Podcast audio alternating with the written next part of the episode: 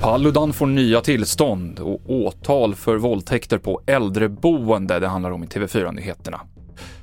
Den högerextrema politikern Rasmus Paludan får hålla allmänna sammankomster i Borås, Göteborg och Trollhättan imorgon.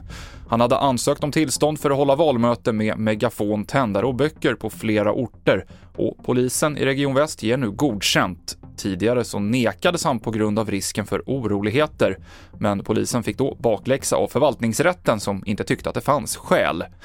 Under koranbränningar som Rasmus Paludan anordnade i påskas så blev det upplopp på flera platser i landet. En man i 30-årsåldern åtalas för 24 grova våldtäkter mot fyra kvinnor på ett äldreboende i Lerum, där mannen var anställd. Vår reporter Johan Håkansson berättar mer om det här fallet.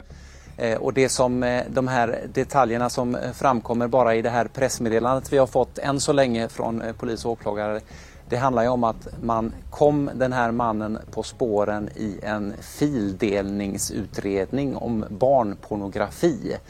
Han förekom där och eh, blev då av, kom då i eh, under polisens intresse helt enkelt och då visade det sig att när man gjorde ett tillslag så eh, avslöjades att han i sina datorer och andra eh, elektroniska utrustning så hade han dokumentation på eh, dessa då eh, som man senare har kommit att rubricera som grova våldtäkter. Alltså han, har, han har filmat och han har tagit bilder på det som han eh, anklagas för.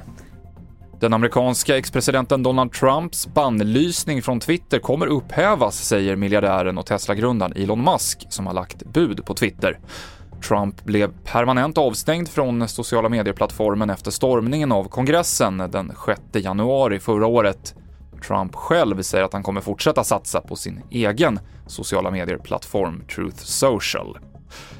Och nu så har Tre Kronors förbundskapten Johan Garpenlöv tagit ut VM-truppen till mästerskapet som avgörs i Helsingfors och Tammerfors i Finland med start på fredag. Flera NHL-spelare är med, bland andra backarna Rasmus Dahlin och Adam Larsson. Fler nyheter finns på TV4.se, i studion Mikael Klintevall.